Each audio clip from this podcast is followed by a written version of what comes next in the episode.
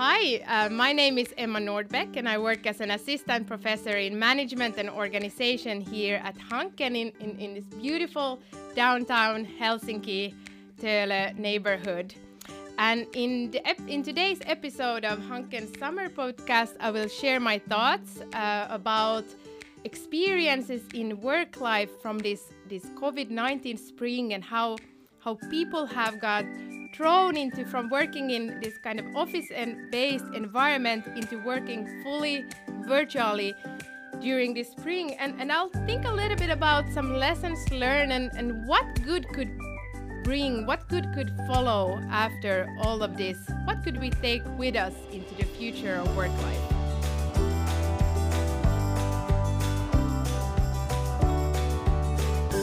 Um, and just to give you a, a, brief background about where I'm coming from, I've studied virtual work, remote work, and, and, and virtual teams, and, and how what it takes to lead these kind of these kind of teams for the past 10 years or so.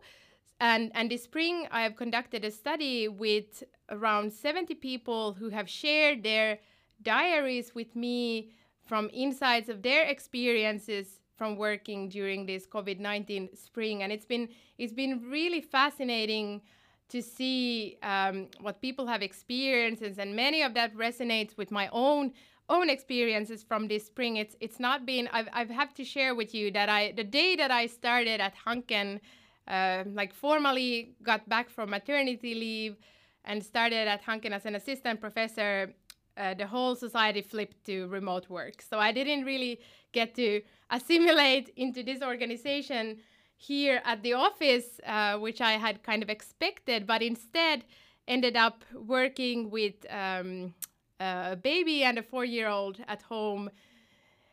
Um, so it's been it's been an interesting spring, and I can really kind of many many thoughts that people have experienced resonates uh, with my my own experience from from this spring. It's not it's not been the easiest one, but but of course there are are different kinds of silver linings probably for for all of us. And it's been it's been really fascinating to follow follow people and see how resilient they are, how resilient the, the Finnish population has been in, in kind of overnight throwing themselves into this this new work mode where you i mean virtual work is not a new work mode per se. People have people have worked remotely and, and finland is kind of a forerunner when it comes to remote work and, and supporting remote work for for employees.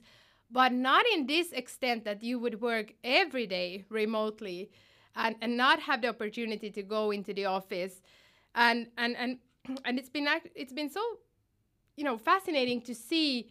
how different kind of coping strategies people have had to get through with this spring. Like some some people have you know people have decided okay i'm, I'm starting my workday by taking a walk to work. So then they go out head out the door and go for a short walk. Then they get back in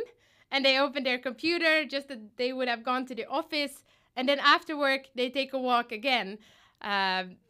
to get you know uh, home from work. And and all these different interesting interesting ways of coping has been you know truly show how creative people can be and and how resilient and, and adaptive we are. And i think this is something to you know try to su- we need to try to support even to build more even more resilient uh, resilient people for the future because the future is not going to stagnate it's going to change. The workplace is going to continue to evolve and change. And, and this is the kind of behaviors that we need and, and skills that we need for the future. And, and but this has been kind of a, a really um, interesting, huge social experiment this spring. And, and, and, and I'm sure that there are plenty of plenty of people who have who have uh, studied and we will see some interesting interesting papers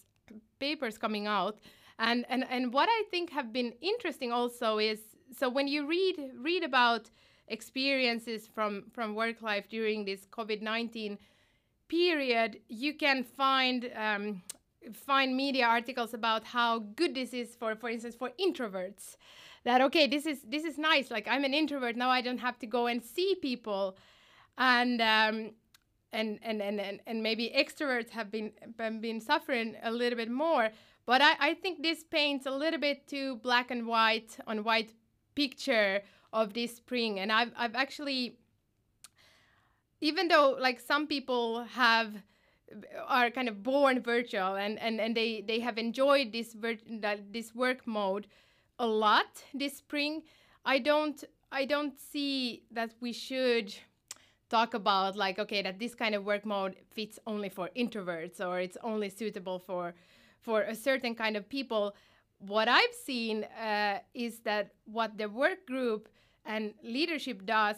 is more important to kind of be inclusive of all kinds of different people and and and and all kinds of different people can can thrive and work also also remotely I wouldn't say I wouldn't say that okay this is only something for introverts. A, a lot of people what what has been one kind of interesting coping strategy among among teams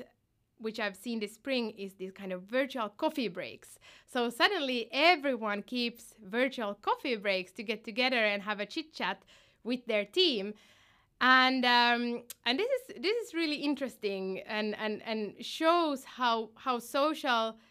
the work community is and, and really tries. And we've done it at Hanken as well. And uh, I mean, it's been it's been an interesting experiment. It's not like the coffee break that you would have in the, in the coffee room. And, and there's been there's been some interesting uh, interesting differences to note in these kind of virtual social social breaks. And and and and that is that they doesn't always work the way that they were intended to. So, an interesting thing is that while some people really get to talk and, and be social, in a virtual coffee break, it's only a few people that get their voice heard. It doesn't come that natural, the, the kind of interaction in, in those. So it's not like that you would have in a coffee room that you sit a few people in one table and a few at the other side of the table. It's usually there, there tends to be some people that dominate the discussion and and that shows that that they are not really there at that level and and serve the purpose of being really truly social get together and what has been interesting to to find out from people this spring is that some people have even you know left these even though they are um, they've been in they've been wanting to spend time with their colleagues in informal breaks they've started to kind of leave out from these coffee breaks. So why is that? And uh, this is quite quite interesting. And, and, and a lot of it comes down to what kind of atmosphere is created in these coffee breaks. And um, I've seen teams who have, you know, spent time to talk about talk about awful things related to corona, to the virus and the situation, and that actually has brought a lot of anxiety to people. So instead of, you know, serving a purpose of being um, a happy get together break, um, in some cases, people don't really want to spend time on talking. And that's what it's on, that, that is what has been on top of people's minds this spring, like everything related to this, to this pandemic situation. But, you know, talking about it in a coffee break actually gets the anxiety level up for for some people so they start you know leaving out from those so instead of creating a feeling of co-presence with your with your team um, they have also in some cases worked to kind of you know not really really split the team but but still like had an opposite effect. And i i think that's an interesting kind of takeaway from this spring to think about whenever you have these kind of social gatherings with your team and, and they will not be uh, i'm sure that they they will have its place in the future as well. But think about what what do you talk about in those? What kind of feeling do you want to people uh, leave that coffee break uh, with um, I think it's a good moment to spend time on, on team building and, and fostering the relationships in your in your group or in your community, whoever you gather gather with. But but think about that. I think it's good to keep in mind like it like uh, just the talking part in itself doesn't serve necessarily the you know a meaningful purpose. It's also what you talk about in those kind of session and what kind of feeling people people leave them with. another interesting thing, another interesting thing which I've seen from this spring is that now, now when people have been forced to work virtually, uh, teams that have been usually scattered around different locations. So let's say we have we have a team with five members in Helsinki and, and, and two two members in Turku.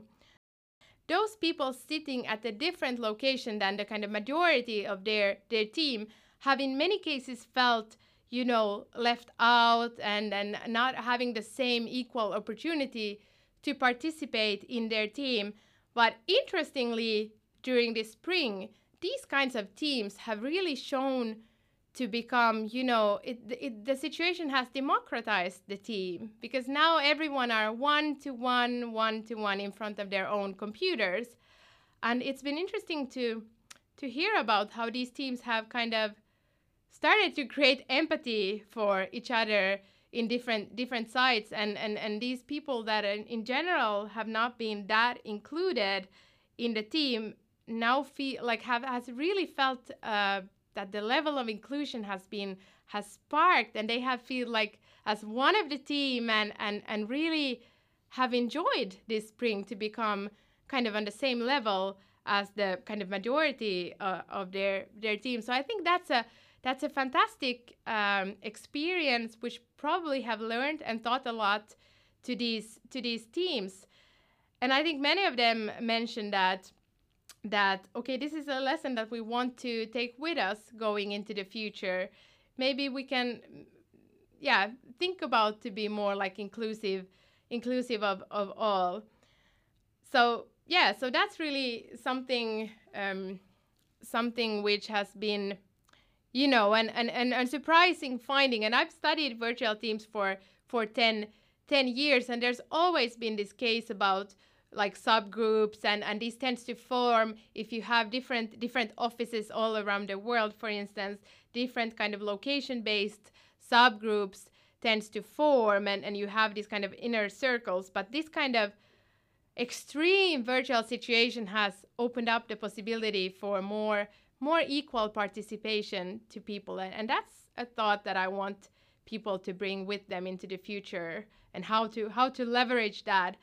that because these people are really happy about they they want to have their voice heard they want to have their expertise heard and so forth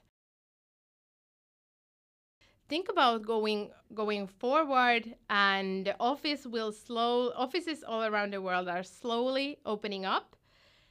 and when thinking about going back to the office and how it was, one key thing to keep in mind is that nothing changes overnight. I've seen I've seen a lot of offices being empty during the spring and now they are fully occupied with people. So in a sense, people people also forget quite easily. That's in human nature to forget forget about things and go go back to old habits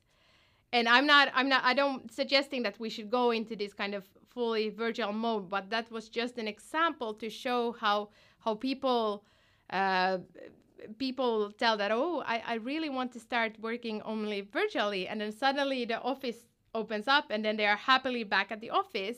so so these kinds of and and and i think the same holds for different kinds of behaviors of people that even though we've had to change our behaviors this spring it's because we've had to. There was like there was no other option for people than to cope with this situation that we all were in. But now, as um, we move forward and offices are beginning to open up and we, we start to go back into normal routines, I think um, the behaviors of people might flip back into into normal. And and there this is where i think like the the, the leaders roles come in and and also the leaders role in in activating activating their teams and thinking about these kind of good lessons learned and how can we change change the way we work to become even better and even more resilient in the future because it will not happen automatically. And I, and I think um, what comes to what comes to leadership, leaders play uh, a crucial role in in in kind of being involved in transforming the work the workplace but I, I wouldn't really advocate for a lot of like vertical uh, vertical leadership where where the leader just you know decides that okay this is the way we're going to do going forward. It really has to start at the bottom but the leader can can be engaged in in in creating an environment together with the with the workers and and activating them and and making them buy into something and being included in in shaping kind of the future of work. And and this is really really something crucial because when people feel that they work towards something that they are committed for and and something that they've had a chance to to tell their voice and and and have an impact they are going to work towards it. But if it would come from you know just a top a decision asking people to to change their behaviors that's that's not going to happen. That the, the kind of the buy-in has to start from the from the bottom and and people have have to be involved and and and so forth together together shape shape the future of work. I also wanted to to get people thinking about that that normal wasn't working before either. So before covid-19 uh, normal wasn't necessarily a good thing uh, there's been numbers stating for instance that more than more than 85% of people are disengaged on a global scale. And i think that number is a little bit better in europe something like 75% of people are disengaged uh, working for an employee employer who who they feel don't care about them. And uh, and i think this already shows that work life work life has to change and it's not only because of covid-19 it's also because normal wasn't working. So it's not it's not good to think it's not enough to think about okay how do we get back to how things were? Now is really the opportunity to think about how we can uh, you know start something better and and create a better better workplace for the future. So i guess that's that's something that i'd like to when people are you know sitting in the sauna and and uh, or on the on the balcony or uh, in the patio dr- drinking a glass of wine or lemonade that you could you could start ideate a little bit about how how could we make this world and the workplace a little bit better? And related to that that normal isn't working i'd like to give you a book tips uh, today a book called rest why you get more done when you work less by alex Soojung-Kim Pang and this is a book um, which I've started to read. I hadn't had time to finish it, but I, I really, based on what I'm reading, what I have read so far, I really recommend this book. It's about thinking about the role of rest in everyday life, in summer holiday that we're we're having and enjoying at the moment here in Finland which has been sort of criticized a little bit around the world that how can you be away for a month during the summer? Well, read this book and you'll find the answer. Um, it's about how we, by resting, become more creative. We, we solve different problems in the back of our head in areas of our brains which we normally don't use. Um, so, so my hopes for returning back to work after this summer is that when I've read this and when I've rested, some of my problems will be solved. Thank you for listening to Hanken's Summer Podcast. My name is Emma Nordbäck, and I wish you a very good summer and keep up the good rest.